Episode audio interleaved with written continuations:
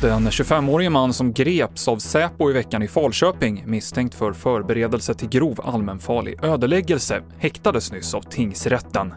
Mannen har kopplingar till den nazistiska organisationen NMR och kammaråklagare Hans-Jörgen Hanström säger att Säpos spaningar på mannen och andra uppgifter som fanns gjorde att man slog till mot den misstänkte.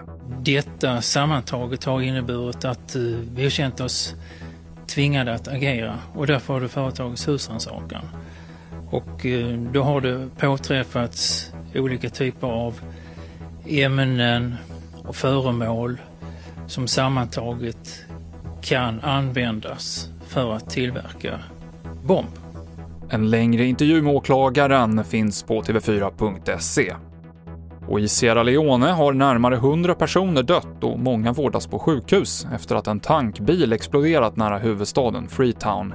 Tankbilen hade krockat och människor samlades för att samla upp läckande bränsle, men det började brinna, vilket ledde till den kraftiga explosionen. Sierra Leones president har utlovat stöd till offrens familjer. TV4-nyheterna med Mikael Klintevall i studion.